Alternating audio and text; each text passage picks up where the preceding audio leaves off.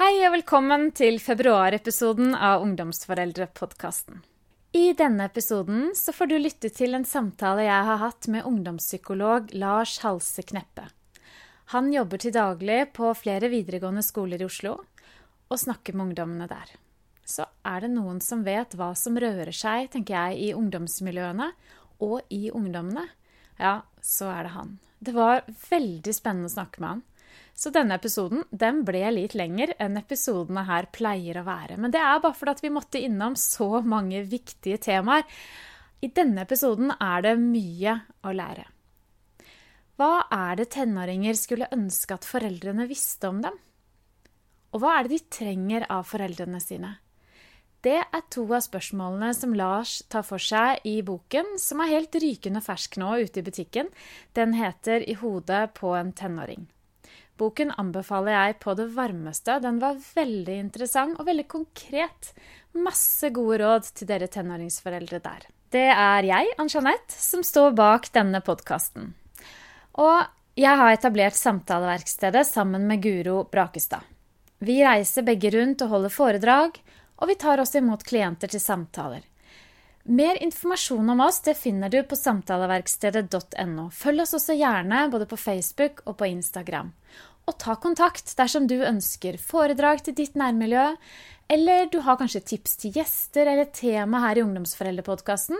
Da blir jeg veldig glad for en mail, og den sender du til ann-jeanette at samtaleverkstedet.no.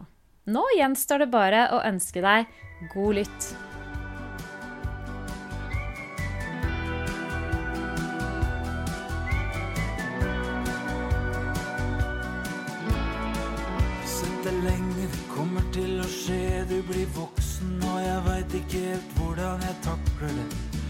Greiene der er søren meg ikke for hvem som helst. Lars, velkommen til Ungdomsforeldrepodkasten. Tusen takk. Hyggelig å være her. Du jobber til daglig som ungdomspsykolog. Jeg jobber i PP-tjenesten, pedagogisk-psykologisk tjeneste, Ja, som gjør at jeg er rundt på videregående skoler her i Oslo. Men du er psykolog, er du Jeg er psykolog. ja. Ja. Mm. Den jobben du har nå, bunner den, og boken du har skrevet også, som vi skal snakke om, bunner den i et eh, helt spesielt engasjement? Jeg skulle gjerne svart at det bunnet i et opprinnelig engasjement, men det er mer et engasjement som har kommet til i løpet av livet mitt, egentlig. Ja. Eh, hvis noen skulle sagt til meg til 18-årige versjonen av meg, som ofte er de elevene jeg snakker med, som er veldig stressa for hva de skal gjøre når de blir store Hvis noen hadde sagt til 18-årige versjonen av meg at jeg skulle bli psykolog, så tror jeg det hadde vært ganske langt ned på lista, for å være helt ærlig. Ja. Så litt tilfeldig at jeg begynte å studere psykologi. Egentlig utdannet journalist. Og også litt tilfeldig at jeg endte opp med å jobbe med ungdom. Men det har vært en utrolig spennende reise. Og jeg kunne ikke tenkt meg noe annet. Nei, for det, jeg synes jo, jeg har jo lest boken din nå, og det skinner jo gjennom der et veldig sterkt engasjement Mm. eh, og en omsorg, Mm. eh, leser jeg, Mm. for de ungdommene som du møter. Mm. Um, og så syns jeg det er rørende at boka di, på side to eller tre, så står det 'til mamma og pappa'. Til mamma og pappa. Og det tenker jeg eh, Jeg får en sånn følelse av liksom takknemlighet i det, da. Mm. Eh, handler det om at du er takknemlig for din egen eh, barndom? Er det Mer og mer. Ja. Eh, Foreldrene mine ble også veldig rørt av det. Litt overraska. Litt flaue, men egentlig veldig rørt. Men jeg tenker sånn Jeg har blitt mye mer takknemlig på den oppveksten og den oppdragelsen jeg har fått, etter hvert som jeg har sett ungdomstiden gjennom litt nye øyne. da. Og også sett litt hvordan jeg selv var som ungdom i nye øyne. For det glemmer man litt, rett og slett. Man glemmer litt eh, helvete man påfører foreldrene sine for, egentlig. Ja, det kan du si. Det er en tøff periode for veldig mange. Jeg tror det er en tøff periode for kjempemange. Altså Eh. Både ungdommene og foreldrene også. Ja, ikke minst foreldrene. Det Jeg tror det er veldig mange som syns det er en veldig vanskelig overgang. Og at en overgang også kommer så brått fra å ha et barn til en ungdom. Og en følelse av å miste tilgangen til den personen som du kanskje er mest glad i i hele verden. Ja, fordi de stenger foreldrene ute. De Fordi For en periode i livet så klarer de bare ikke å snakke med foreldrene sine lenger. De vet sjelden hvorfor. Det bare skjer. Hva tror du det, hva tror du det bunner i, akkurat det der? Akkurat grunnen til det, det er litt egentlig bakgrunnen for at jeg skrev boka. For for meg virker det egentlig som at grunnen ofte er så tilfeldig. Det er ofte så små ting som gjør at det blir vanskelig å snakke sammen. Små hemmeligheter, små ting man ungdommen prøver å beskytte seg mot. Små ting de ikke har lyst til å snakke om. Og etter hvert så bare vokser det seg større fordi man rett og slett bare slutter. Ja, men da, nå, Vi skal snakke litt om boken din. Ja. Eh, for det tenker jeg det, den, eh, den er spekket med, med viktige, viktig informasjon til foreldre. Med mye klokskap. Til slutt, mot slutten av boken så stiller du de to spørsmålene som fikk deg til å skrive boken, skriver du. Mm.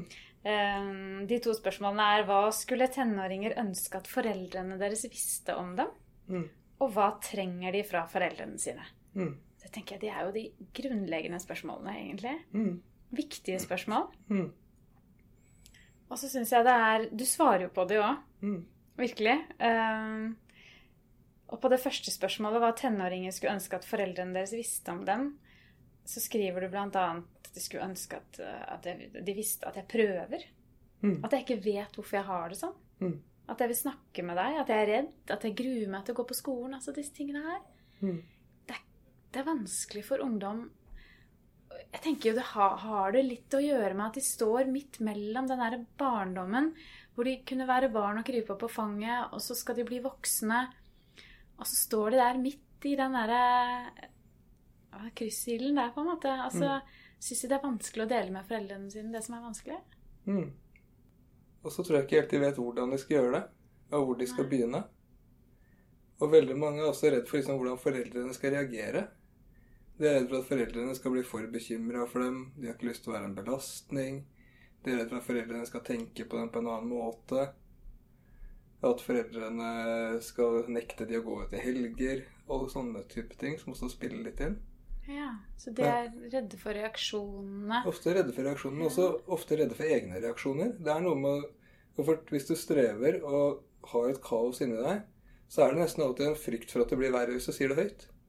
Fordi det blir så reelt da. Og hvis du hele dagen lang går rundt og liksom prøver å ikke tenke på det, så er det skummelt at andre vet det. For da risikerer du at andre spør. Det er mye vanskelig å beskytte seg mot de tankene du prøver å unngå. Ja, Så når de sier det høyt, så blir det mer virkelig. Det blir virkelig både for dem og for andre. Og det andre spørsmålet, hva trenger de fra foreldrene sine? Jeg tenker jo, Da er vi jo inne på det. Hva, hva er det de trenger, da? For at, hva, hva kan vi foreldre gjøre for at de faktisk skal tørre å åpne seg og våge å si det til oss? Første, fortsette å prøve. Ikke gi opp. Tåle å stå i avvisning. Og prøve å være så stabil som mulig. Å være en trygg havn. Er å være en forutsigbar havn, er å være en kjip havn. Sier alltid at det er ingen som trenger kule foreldre, og det har jeg til nå ikke møtt noen ungdom som har sagt at de trenger heller. Jeg har møtt mange som har sagt at andre har kule foreldre, men jeg har aldri hørt noen si at de skulle ønske de hadde det selv. Det tror jeg er liksom noe med tryggheten av å vite Det som er litt kjipt og forutsigbart, er trygt. Og det trenger du hvis det er et kaos inni deg. Så skriver du i boken din at det, det viktigste er at dere skal være glad i dem uansett. Så enkelt er det, og så fordømt vanskelig, skriver du. Mm. Og det er vel akkurat det veldig mange foreldre kjenner på. Mm. At um, det er vanskelig. Mm. Å være, alltid være den trygge havnen og alltid reagere Mm. eh, på rett måte. Da. Vi er jo opptatt av i Norge i dag, syns jeg, på mange måter å være veldig riktige. Gjøre alt riktig. Mm. Være korrekte. Mm. Og det, det tar vi jo med oss inn i foreldrerollen vår. Mm. Og mange ser på det som den viktigste rollen de har, og det er det jo det er en rolle som jeg tror de opplever som det er viktig å lykkes, lykkes i. Så er det så lett å Det er så lett å bli så veldig bekymra. Og det er jo naturlig. Men det gjør det ikke alltid lettere. At man både blir bekymra for ungdommen sin, men også at den kommer i sånn bekymring om hvorfor får ikke jeg det her til? Som gjør at man kan bli litt desperat. Ja, Tror du ikke det da er mange tenåringer som lar være å dele ting med foreldrene sine rett og slett for å spare dem for den bekymringen? Mm. At de går og holder det for seg selv fordi de vet at dette vil både opprøre foreldrene, at, det, Mm. at de vil bli lei seg. Mm. Så beskytter de foreldrene sine på en måte. Mm. Det er veldig mange som sier at de er redd for å være en belastning. Ja. Det syns jeg er en veldig voksen ting. Det er en, ting som, det er en setning som overraska meg veldig å kunne komme fra ungdom. At de sier det. Jeg er redd for å være en belastning for foreldrene mine. For det er en veldig voksen setning, egentlig. Det var litt sånn overraskende for meg å høre, egentlig. Ja, men du skriver jo om det i boken din også, Ja. at noe av det som overrasket deg i møte med, med dagens ungdom, var akkurat det, at de Ja. er så voksne. Det er helt andre enn min generasjon. Eh, Den der litt sånn barnslige, naive enkelheten jeg opplevde i ungdomstiden, den, den syns jeg har blitt litt borte for mange. altså.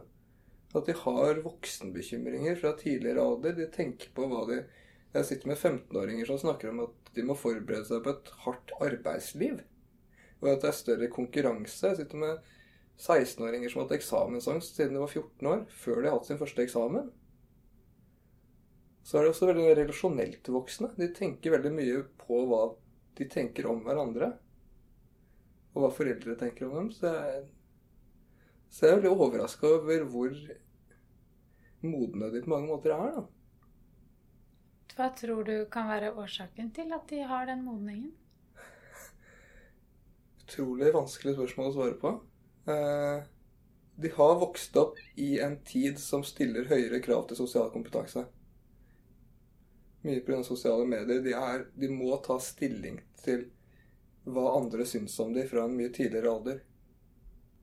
Men også så tror jeg at det handler litt om hvordan vi voksne rundt de snakker om de tingene her. Vi snakker om et hardt arbeidsliv. Vi er veldig opptatt av at de skal lykkes på skolen. Vi kan sitte her og si at til ungdom at ja, ja, men det er ikke skole, det er ikke alltid livet, bla, bla, bla. Men vi, sannheten er at vi er jo faktisk ganske opptatt av hvordan de gjør det. Og vi snakker om at det er viktig å kunne ha, gjøre det bra på skolen for å holde alle dører åpne. Vi vil det beste for barna. Og ofte faller det sammen, det å ville det beste for barna, faller ofte sammen med at det også betyr at vi blir litt opptatt av at de skal gjøre det bra. For da blir vi minst bekymra for dem. Ja, fordi vi vil at de skal få det bra. De skal Ja. få et godt liv. De skal få et godt liv, de skal slippe å bekymre seg. Mm. Så mye av det som liksom er et forsøk på å beskytte det, gjør, blir til et vis til en, også en liten belastning. Fordi det legger et press på det. da. Ja, det er det jeg lurer på. For er det skadelig, den modningen som de har? Den er vel, den er vel litt sånn eh, todelt, akkurat den, tenker jeg. For det, det ligger jo mye godt i den modningen og den Mm. bevisstheten også. Men samtidig så Hvis det blir for mye, og de ikke får lov til å være barn og ungdom og får lov til å gi litt blaffen, så, så blir trykket for høyt, da. Mm. At, at det er den derre Mm. At det ikke må tippe over. Absolutt. Og for noen så gjør det jo det. Men det er veldig mye positivt i det. det er sånn, jeg kan ikke få sagt det mange nok ganger. Det er en utrolig fin generasjon ungdom som vokser opp nå. De er relasjonelt sterke, de er smarte, de har en sosial samvittighet. Det er en flott generasjon. Men det er en generasjon som opplever at det er ganske høye krav til seg. da. Og for noen så blir det for mye. Ja, for det, det, er, det er stor forskjell fra, fra vi vokste opp. Ja. Nå har ikke jeg spurt deg akkurat hvor gammel du er, men eh, 32 år gammel, ja. Mm, så nettopp litt gammel, så det er fint. ja. ja.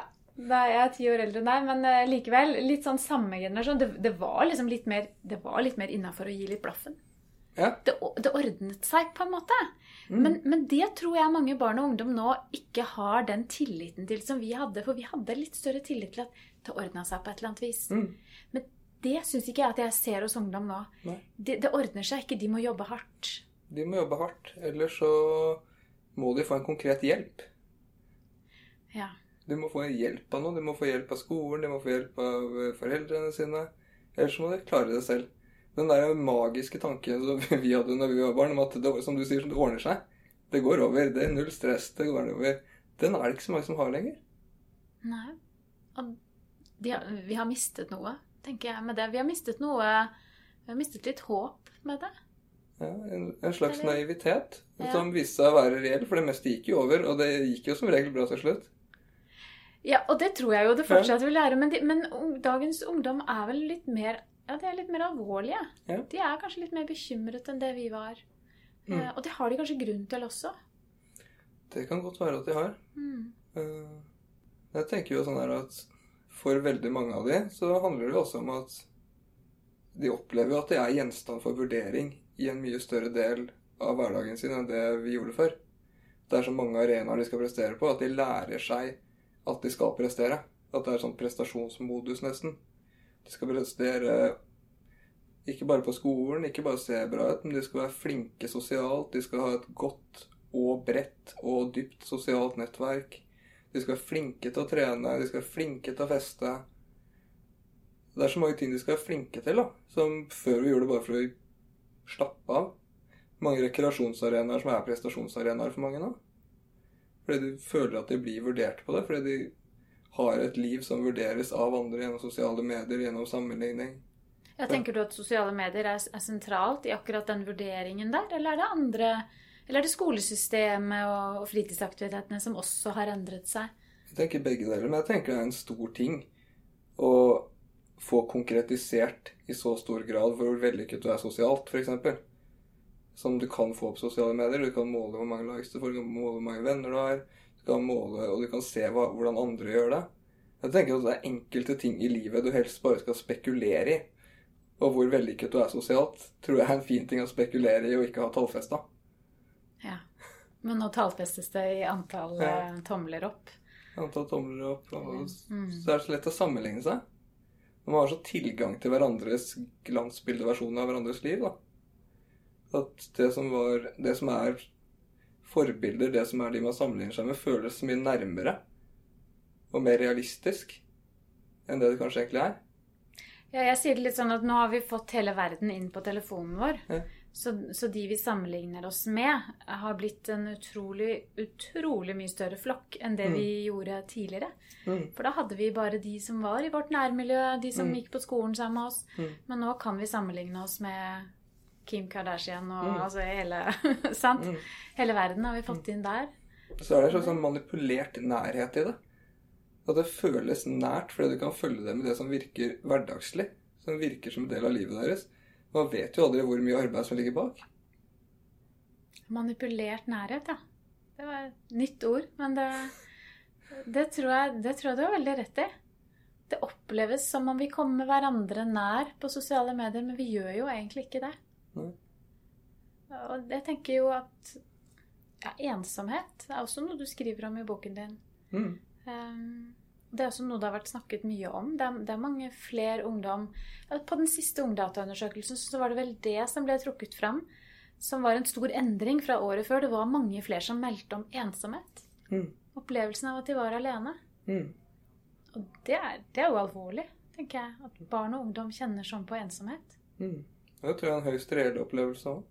Det, det har jeg tenkt mye på. Og snakket veldig mye om med elever og ungdom. Både fordi ensomhet er også er en av de grunnene som gjør at flest dropper ut av skolen. Er det det? Ja. Å ja. ja. fordi de ikke blir inkludert de ikke... i det sosiale, og så, så, gjør det at ikke de orker å gå på skolen? Jeg tror de aller færreste av oss hadde klart å gå til et sted der du følte deg alene og så at alle andre var sammen med noen hver eneste dag hele året rundt.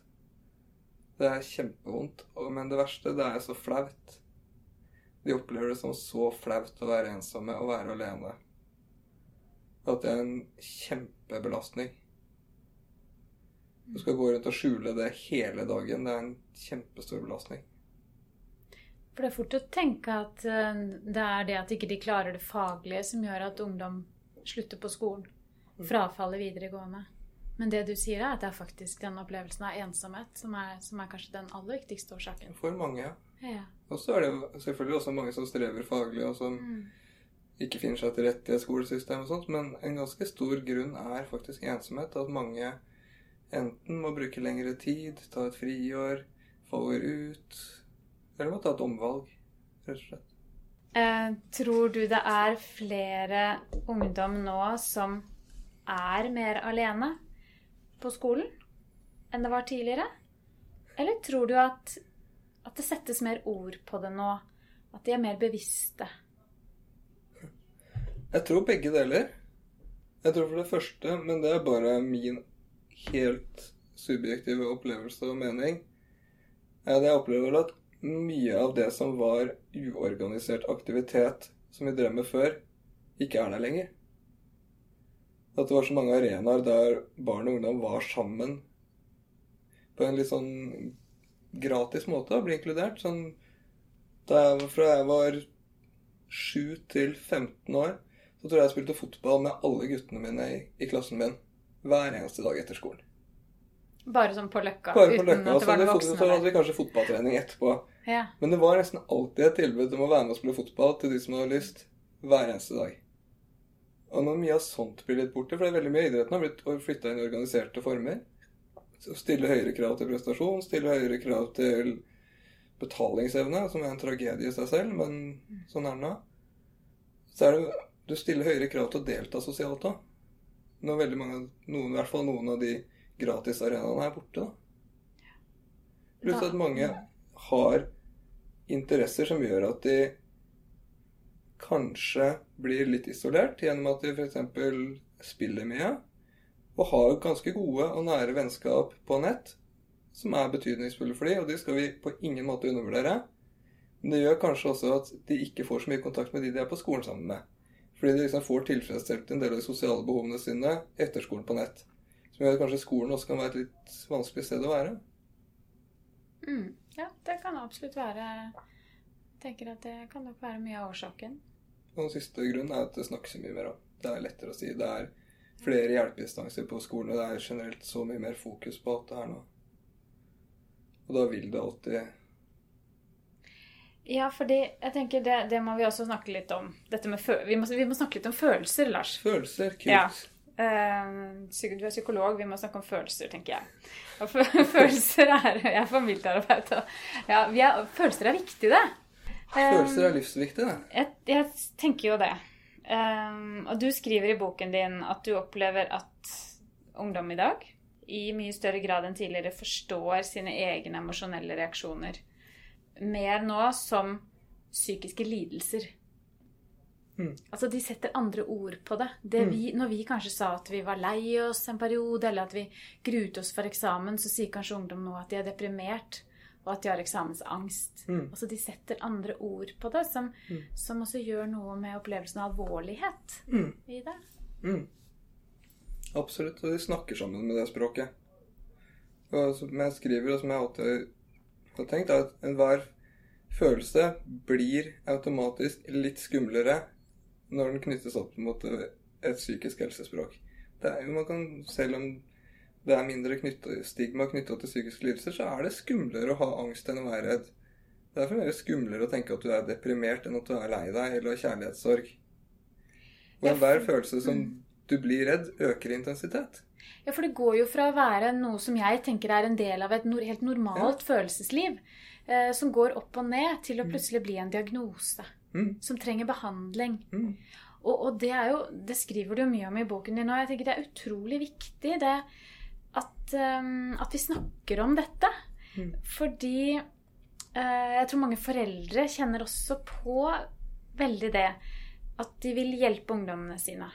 Mm. Si du har en ungdom da som opplever ganske store svingninger. Det er jo egentlig ganske normalt at de Mm. går opp og ned i humør, og, og at en periode kanskje er tungt og vanskelig. Mm.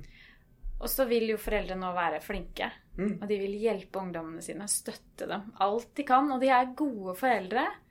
Men så skriver du litt om at det faktisk kan være med på å sånn lært hjelpeløshet, kaller du det. Mm. At de kan bli litt hjelpeløse i møte med sine egne følelser når vi voksne blir så på og skal hjelpe de hele tiden. Vil du si litt om det?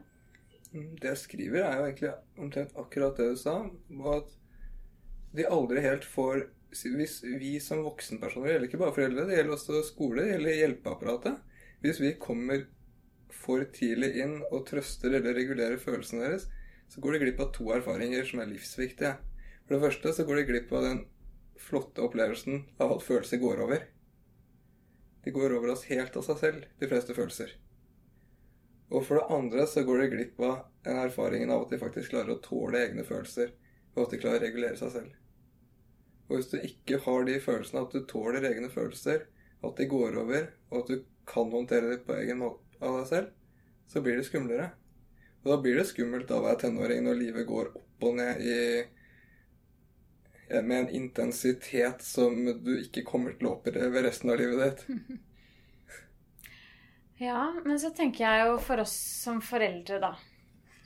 Um, jeg snakker jo en del om viktigheten det av å knytte sterke bånd til barna sine. For de, treng, de trenger et sterkt bånd til foreldrene sine i oppveksten. Mm. Og så trenger de at vi foreldre er gode på å trøste, tenker jeg. Mm. Jeg er litt opptatt av det med trøst, fordi det, det, det, skap, det styrker det båndet. Mm.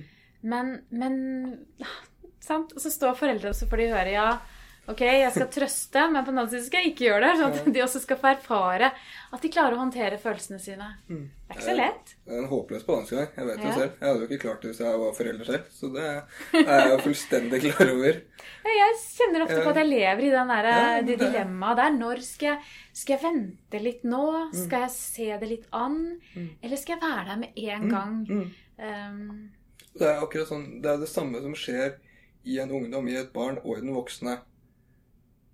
Hvis du bare tar angst da, som en veldig enkel følelse Angst er en følelse som bygger seg opp til det når en topp.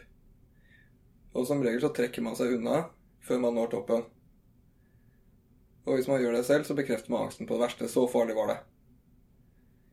Men det er jo akkurat den samme angsten som skjer i foreldrene når de ser at angsten øker i barnet sitt. Så det blir jo at to personer trekker seg unna når det er på det verste og bekrefter angsten i hverandre. Ja. Det er jo ofte det som skjer med f.eks. med ungdom med eksamensangst. Så når det topper seg kvelden før eksamen, og så bestemmer det seg for at de ikke vil gå på en eksamen, og det er også da foreldrene blir mest redd.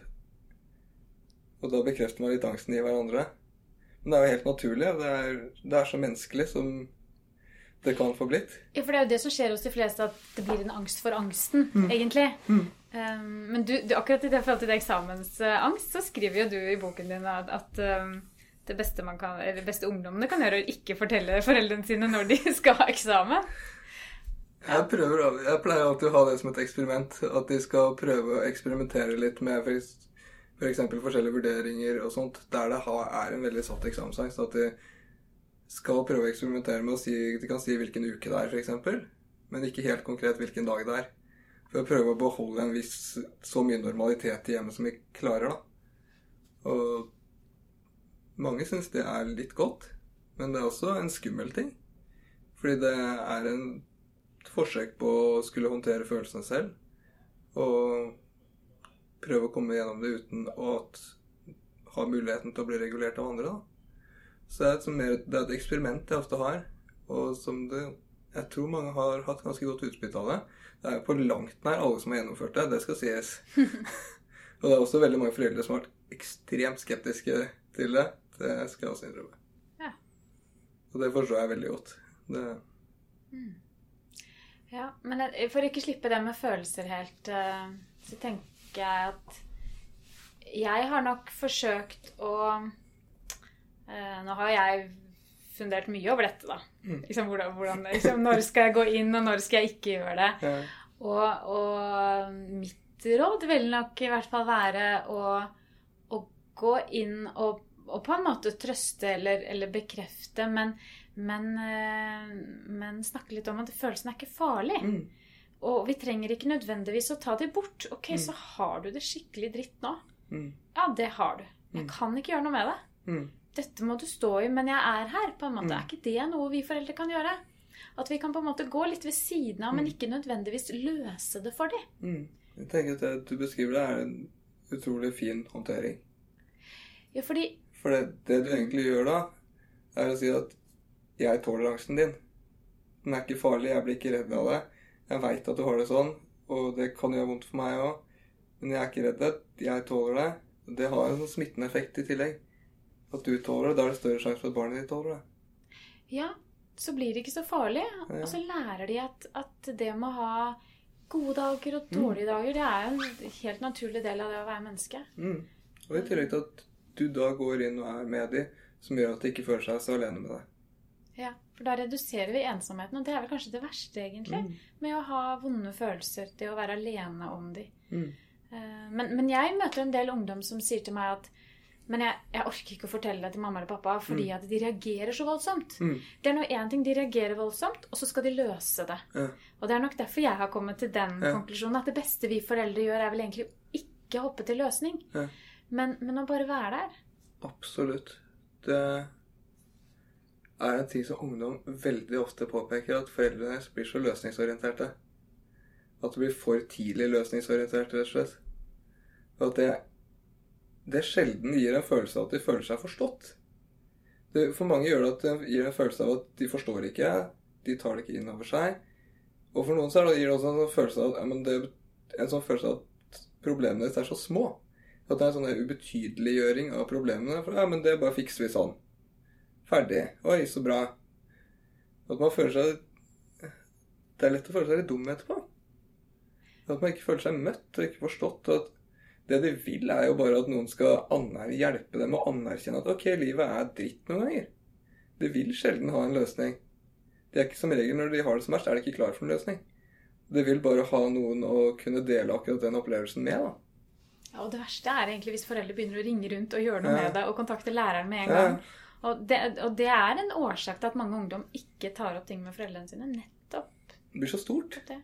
Ja, det også. Ja. Så det lille, den der lille vonde følelsen, plutselig så er den sagt høyt, og så blir den Mm. veldig stor, og så blir den kanskje også samtaleemne rundt middagen, og det, Mm. det blir liksom det, det er fort Bare fordi at vi foreldre er så glad i dem og, Ja. og vil hjelpe dem, men så har det fort tendens til at de overtar. Mm. Mm. Men du, i boken din så skriver du om, om seks forskjellige tenåringstyper Mm. som jeg tror mange, mange kan kjenne seg igjen i. Yes. Skal jeg si de seks typene? Eller skal du? Jeg tror jeg husker. Husker jeg håper jeg husker det. Ja. Hvilke typer er det du trekker fram? Eh, Jeg skriver litt om seks forskjellige typer som jeg møter ofte, men det er litt, det er litt karikaturer jeg tegner. Så det er egentlig mest for å vise noe litt generelle, men også litt spesifikke tendenser, da. Eh, Jeg skriver om sinte unge menn og dramajenter. Så skriver jeg om flink piker, eller flinke piker som det da heter, som veldig mange kan kjenne seg igjen i, tror jeg. Så skriver jeg om eh, de ikke fullt så flinke slaskeguttene. Så skriver jeg til slutt om eh, de litt stille og usynlige. Og de emo. Ja, for de emo, der, der måtte jeg eh, lete litt. Så jeg tenkte, hva, hva betyr det? Skal vi begynne med de? Skal vi begynne med de emo? Ja, ja hva, hva er det for noe? Emo er alltid den som er vanskeligst å forklare til andre voksne. Det er, sånn- det er en betegnelse jeg bruker, og som er lettere å forklare til ungdom. De forstår veldig fort hva jeg mener når jeg sier det. Men det jeg beskriver som de litt emo, er de som har et behov for å synliggjøre at de ikke har det så greit. Og som kan synliggjøre det enten gjennom måten de ser ut, måten de er på, men at det er et underliggende forsøk på å kommunisere at ting ikke nødvendigvis er så greit. Og de, altså de da kler seg på en spesiell måte, eller de De kler seg gjerne litt mørkt av og til, eller på en veldig sånn synlig måte, og har ofte et litt dramatisk utseende. Er det et rop om hjelp, tenker du? Det er et rop om forståelse, Ja. primært, tenker jeg. Mm. For jeg tenker sånn her at Det er egentlig det de skriker ut etter. De, de syns det er vanskelig å forstå seg selv. Og det er ikke så rart. Det syns alle ungdom. Det syns de fleste av oss voksne òg. At det er sånn et veldig behov for å forstå seg selv. Men så er man veldig redd for at andre ikke skal gjøre det, siden man ikke synes, klarer det selv. Og at primært er et rop om forståelse, egentlig. Og så er de veldig redd for å ikke bli forstått. Hvordan skal vi møte de, da? Godt spørsmål, vanskelig spørsmål. De er som regel utrolig hyggelige å snakke med. Det de ikke responderer positivt på i det hele tatt, er løsningsforslag. Det funker kjempedårlig. Ja. Så De, mer, altså, de vil ikke ha løsningen, de Nei. vil finne den selv, tenker du? de er ikke klar for noen løsning. I hvert fall ikke eh, at den skal komme brått. Hvis du, du kan tenke deg selv, hvis du har brukt mange år på å tenke på hvorfor ting er som de er i livet ditt, så er det en litt Det er en vond opplevelse å skal få det svaret fort av noen andre. Det skal så mye til at det svaret du får, liksom står til samsvar med hvordan du har det, hvordan livet ditt har vært. da. At det ofte tar litt tid med det. Og at du vil egentlig bare at noen skal prøve å forstå det, og være genuint nysgjerrig. Ja, Så det beste foreldre kan gjøre, er egentlig å vise interesse og, og stille de masse spørsmål, være interessert i de, tenker du? Prøve, i hvert fall. Det er ikke alltid de er like mottakelige for spørsmålene. det skal sies. Men det tenker jeg er gjeldende for de fleste. At en ting som aldri er feil, er genuin interesse. Ungdom merker så fort om interesse er genuin eller ikke. Men så lenge du er genuint interessert, tenker jeg at da gjør du egentlig ikke noe feil. Av og til kommer det til å føles som at du gjør noe feil, for du får en respons som ikke nødvendigvis er den du håper på, men det Men som forelder så er ikke det noe du går an å beskytte seg mot når du har tenåringer. Av og til så får du en negativ respons uansett hva du hadde gjort. Men jeg har en tro på at de syns det er godt likevel, jeg. Ja. Selv om de kanskje smeller igjen døra eller, Ja. ikke, eller svarer 'ikke bry deg', så har du stilt et spørsmål. Og det at noen stiller deg spørsmål, Mm. det gjør at du føler, at du føler deg betydningsfull. Mm. At noen er interessert i deg, oppriktig ja, bryr seg om deg. Mm. Og det har- er jo godt. Du har åpna opp et rom for å møtes. Så må vi bare tåle å stå i Vi som er voksne, må tåle Ja. å stå i At Tåle vi får den døra i Ikke tåle å stå i den avvisningen der og få den døra i trynet. Ja, ja, det er ikke sant. Det, men det er det vi som skal tåle. Mm. Men det å vise interesse for hverandre, tenker jeg, i en familie, det Mm. er noe som uh, ikke kan holdes høyt nok, egentlig. Nei. Fordi um, noe, av, noe av det viktigste vi foreldre kan gjøre, er å dele historier også fra vår egen, Mm. egen ungdomstid. Våre egne utfordringer. Mm. Ofte så liker jo barn og ungdom veldig godt å høre om våre erfaringer. Mm. Um, kanskje de ikke viser så veldig interesse der og da, men det Men um, Men det er et savn hos mange ungdom. Ja. ja. De skulle gjerne visst mer, i hvert fall når du begynner å bli litt eldre. i du at skulle visst litt mer hvordan det var. Og det er jo til og med voksne som sier at 'jeg kjente egentlig aldri faren min'. Eh, og det tror jeg er fordi vi kanskje blir værende i de rollene barn Mm. og foreldre. Så klarer vi ikke helt å gå ut av det.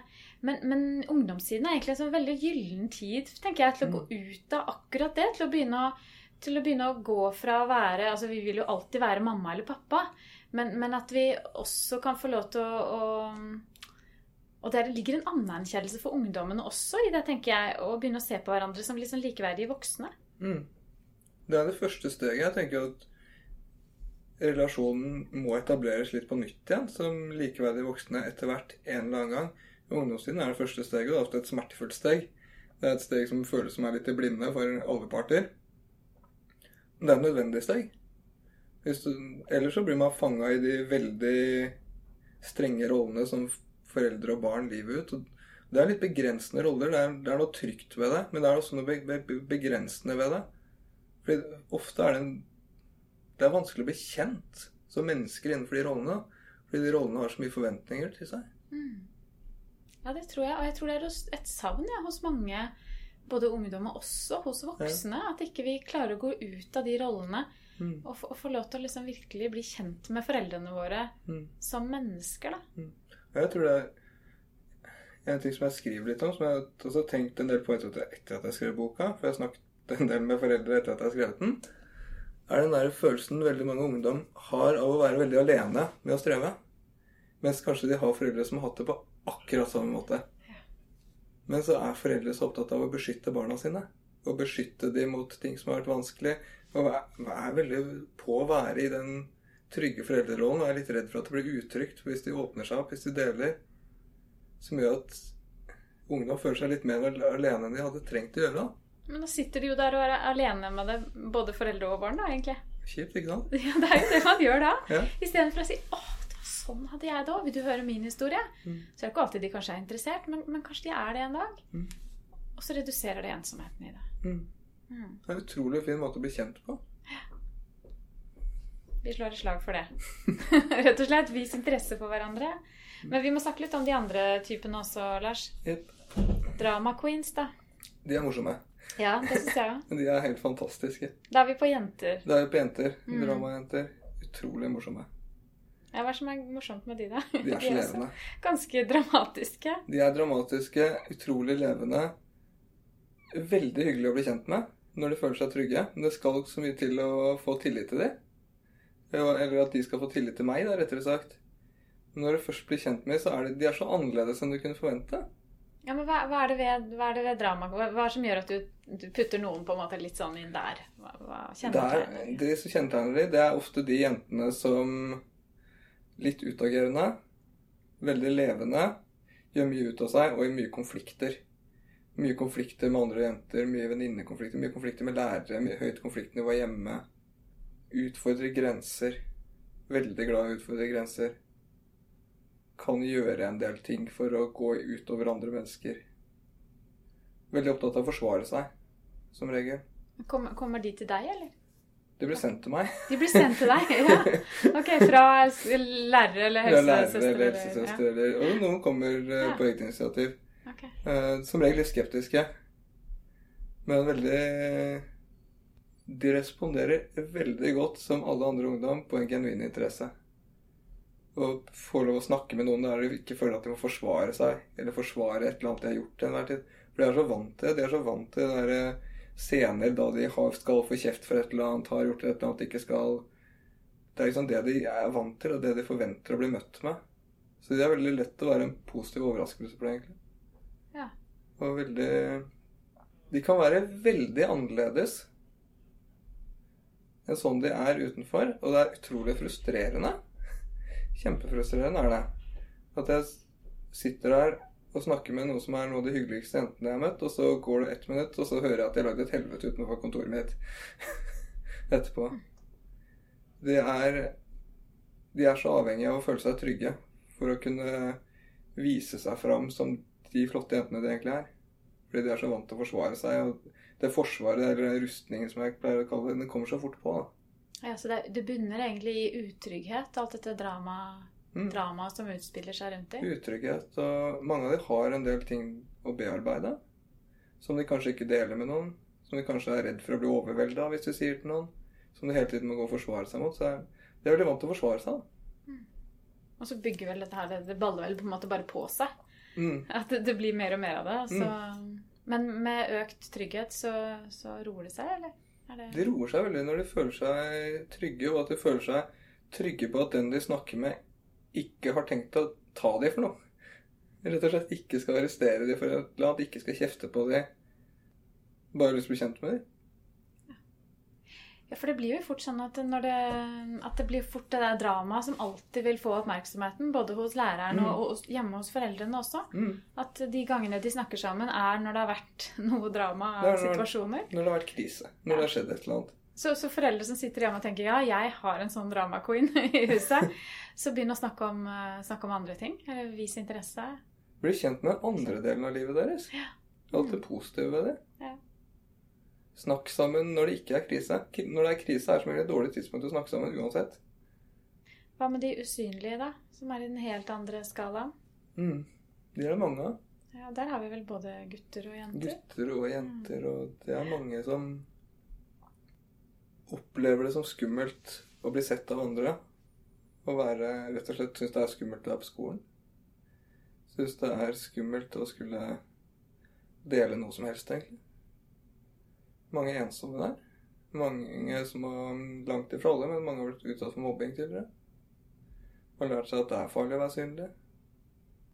Som regel ungdom med en veldig rik indre tankeverden. Som det er utrolig spennende å bli kjent med. De har tenkt så mye. Hva kan vi gjøre for at de skal våge å, å bli litt mer synlige, da? Tid. Gi de tid. Tid. Rett Og og trygghet, vel? Tid og trygghet. Mm. Og gjøre det til positive erfaringer. Og snakke og dele. Og De er ofte ganske selvkritiske. Og de trenger ofte litt hjelp til å at noen omformulerer det litt positivt. Og tar tak i det positive ved det. Og få fram det alt det som er inni den flotte tankeverdenen deres. Få fram ressursene deres. Og ha en interesse for det. Så nok en gang er det egentlig interesse. Interesse slår aldri feil. Nei. det hjelper mot alt. Inter genuin interesse er Det er det viktigste. Men så skriver du også, du skriver også om Det er jo liksom gutter og jenter, liksom flinke piker, drama queens. Og så, du, og så skriver du også om sinte unge menn og slaske gutter. Ja.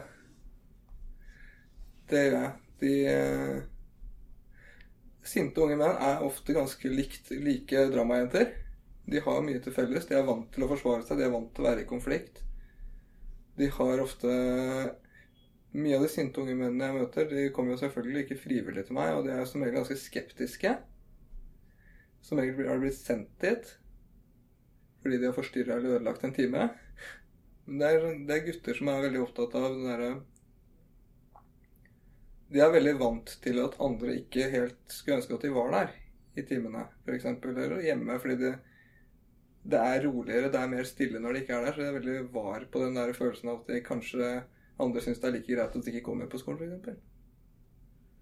Og mange av dem har veldig mye sånne negativ, det jeg kaller negative opplevelser, negative holdninger til hele voksenverden.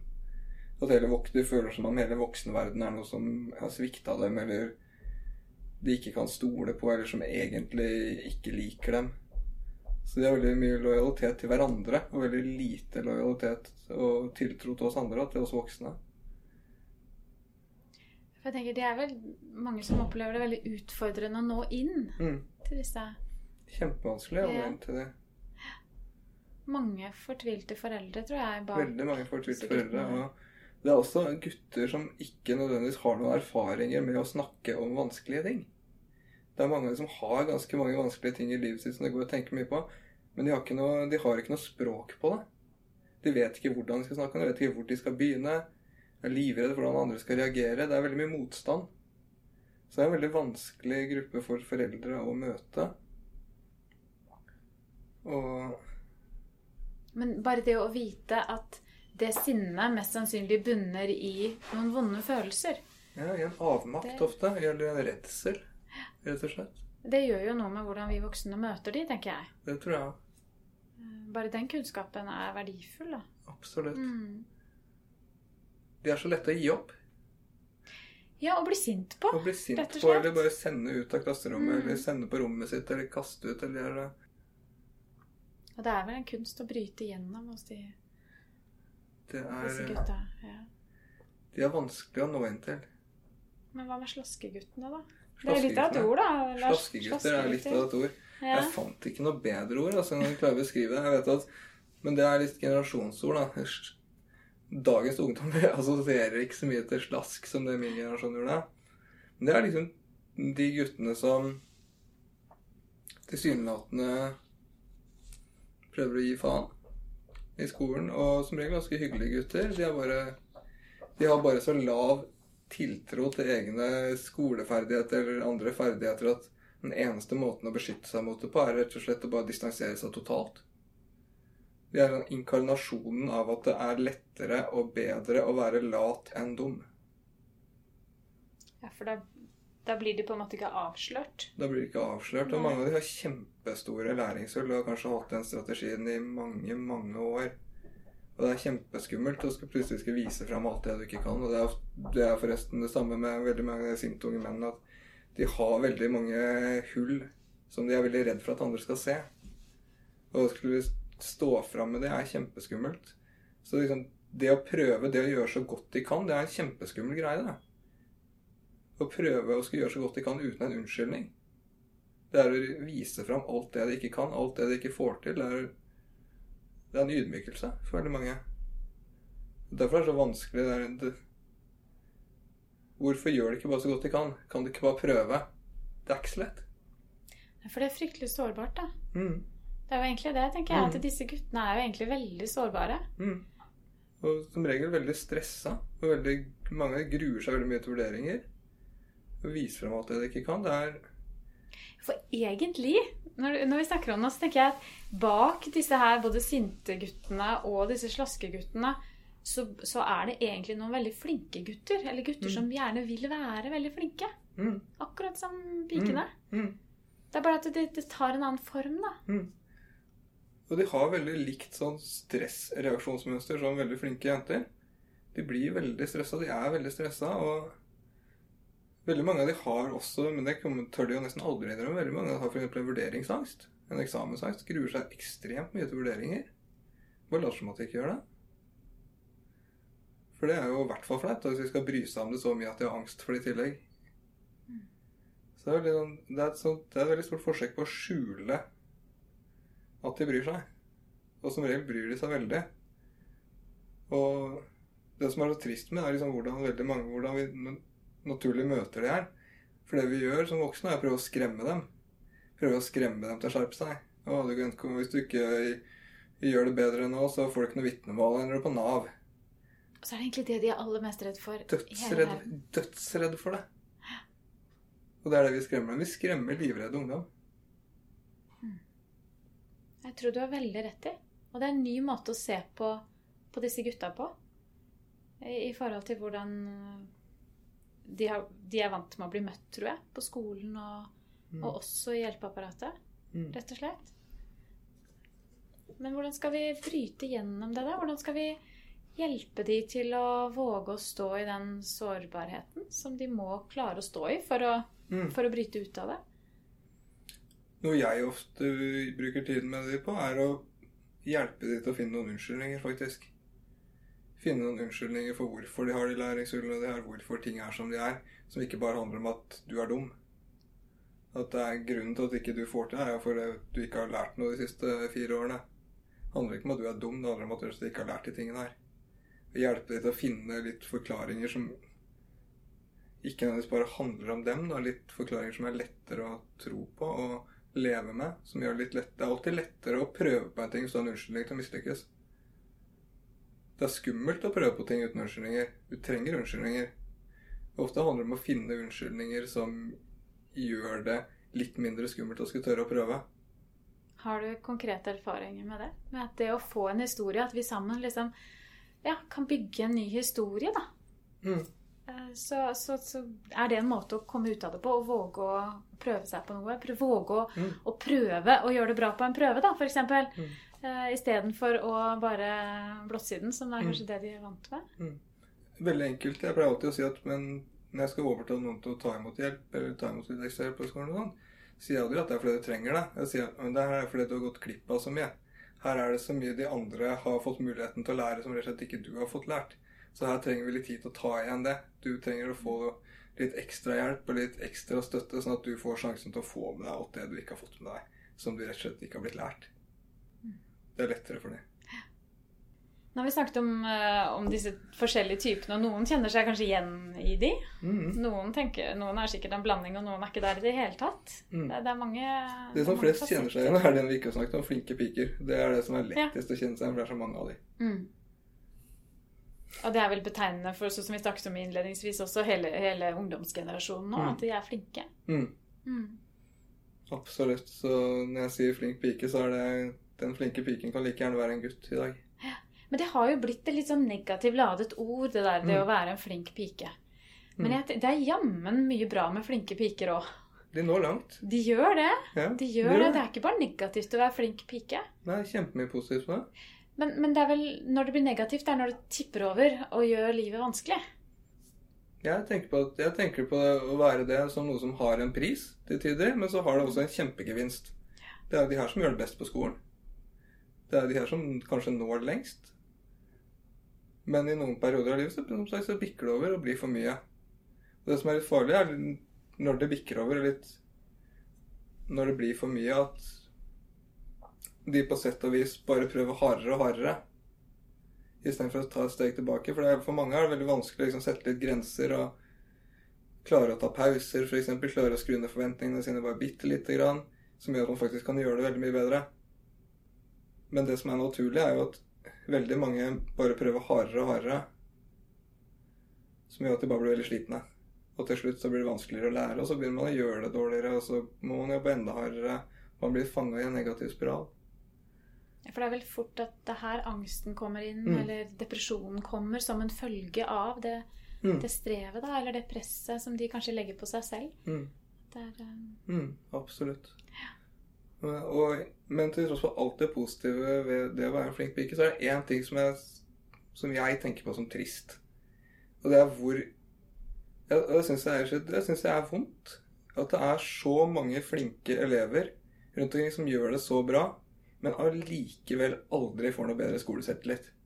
Som gruer seg like mye hver gang, er like sikre på at det her gikk rett i dass. Og som etterpå rett og slett er knust. er det sant? Ja, Og så kan de få tilbake en prøve, og så får de en femmer eller sekser. Men så er det akkurat lik neste gang. For det, det, er så, det er så lett å ødelegge mestringsopplevelsene sine. Ved å forklare det på forskjellige måter. Veldig mange blir jo liksom fanga i en setning at 'jeg er egentlig ikke flink'. Jeg bare leser ti ganger så mye som alle andre. At de bare legger det på innsatsen sin. At de aldri klarer å ta det inn over seg at det handler om meg. Eller at de bare sier at det var det var flaks, og det flaks med prøven, læreren var snill med meg. At de ødelegger så mye av mestringsopplevelsene sine. At de ikke får den boosten de egentlig fortjener da, etter all den innsatsen de har lagt ned.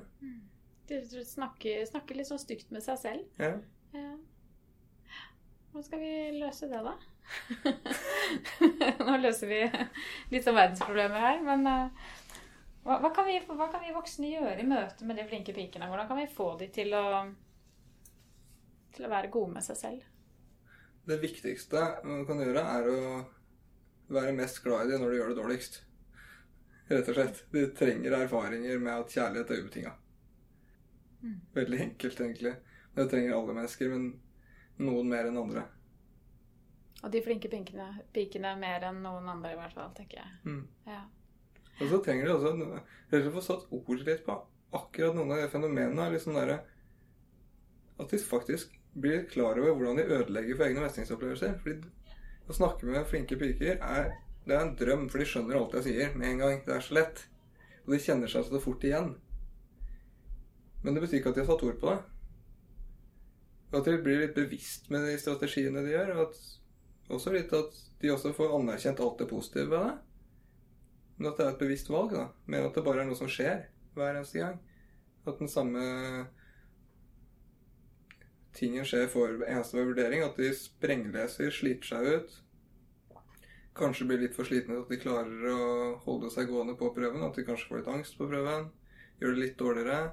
Leser enda hardere neste gang, for det har lært at da skal de i hvert fall ikke få angst en gang til. Så da må de være enda bedre forberedt. Og være litt klar over de mekanismene. da. Er det ikke ofte litt sånn også at de flinke, flinke barna har også veldig flinke foreldre? Ja. Og, da, og så kjenner foreldrene seg igjen i dette her, men, Ja. men har kanskje ikke hele verktøyene selv heller til å, til å hjelpe dem. Nei. Jeg tror veldig ofte at flinke barn har flinke foreldre. Ja. Men så kan de kanskje hjelpe hverandre, da. De kan alltid hjelpe hverandre. Ja. Men igjen, det, det forutsetter at vi voksne klarer å snakke om våre egne opplevelser. At vi klarer å dele det. da. ja, for da er vi tilbake til det. Det å da våge å si at vet du, sånn hadde jeg det også da jeg var ungdom. Ja, Og så har jo som regel vi voksne gjort oss noen erfaring med at livet går videre, selv om det går dårlig, eller, ja. eller at vi, vi har jo gjerne fått vi har jo gjerne fått noen, noen mestringsstrategier Mm, som vi kan gi til de. mm, Det er jo gull verdt. mm. Eller så går det også an å si at sånn har jeg det faktisk litt fremdeles. Ja, det også. Bare det reduserer jo ensomheten i det, i hvert fall. Mm. Jeg synes jo også at Jeg tenker jo vi, vi voksne kan også lære veldig mye av ungdommene våre. Mm. Så selv har jeg erfaring med det. At eh, hvis jeg deler noen ting med ungdommene mine, så har de ofte gode svar til meg. Ja. De er kloke. Kjempekloke. Og det handler ikke om at vi da går ut av voksenrollen vår, eller at vi blir utrygge. Det handler, det, det, vi gir jo egentlig anerkjennelse til dem Mm. Ved å åpne opp og stille de spørsmålene og la de få lov til å hjelpe oss noen ganger også. Mm. Føles jo godt, det. Mm. Føles godt for alle. Det gjør det. Mm. Du, det har vært veldig spennende å snakke med deg, Lars. Så bra. Jeg håper mange løper ut og kjøper boken din. I hodet på en tenåring. Det er en veldig bra tittel. Så bra. Lykke til. Takk. Om jeg kunne gjøre deg skuddsikker, gjøre sånn at dritten bare preller av. on the border, my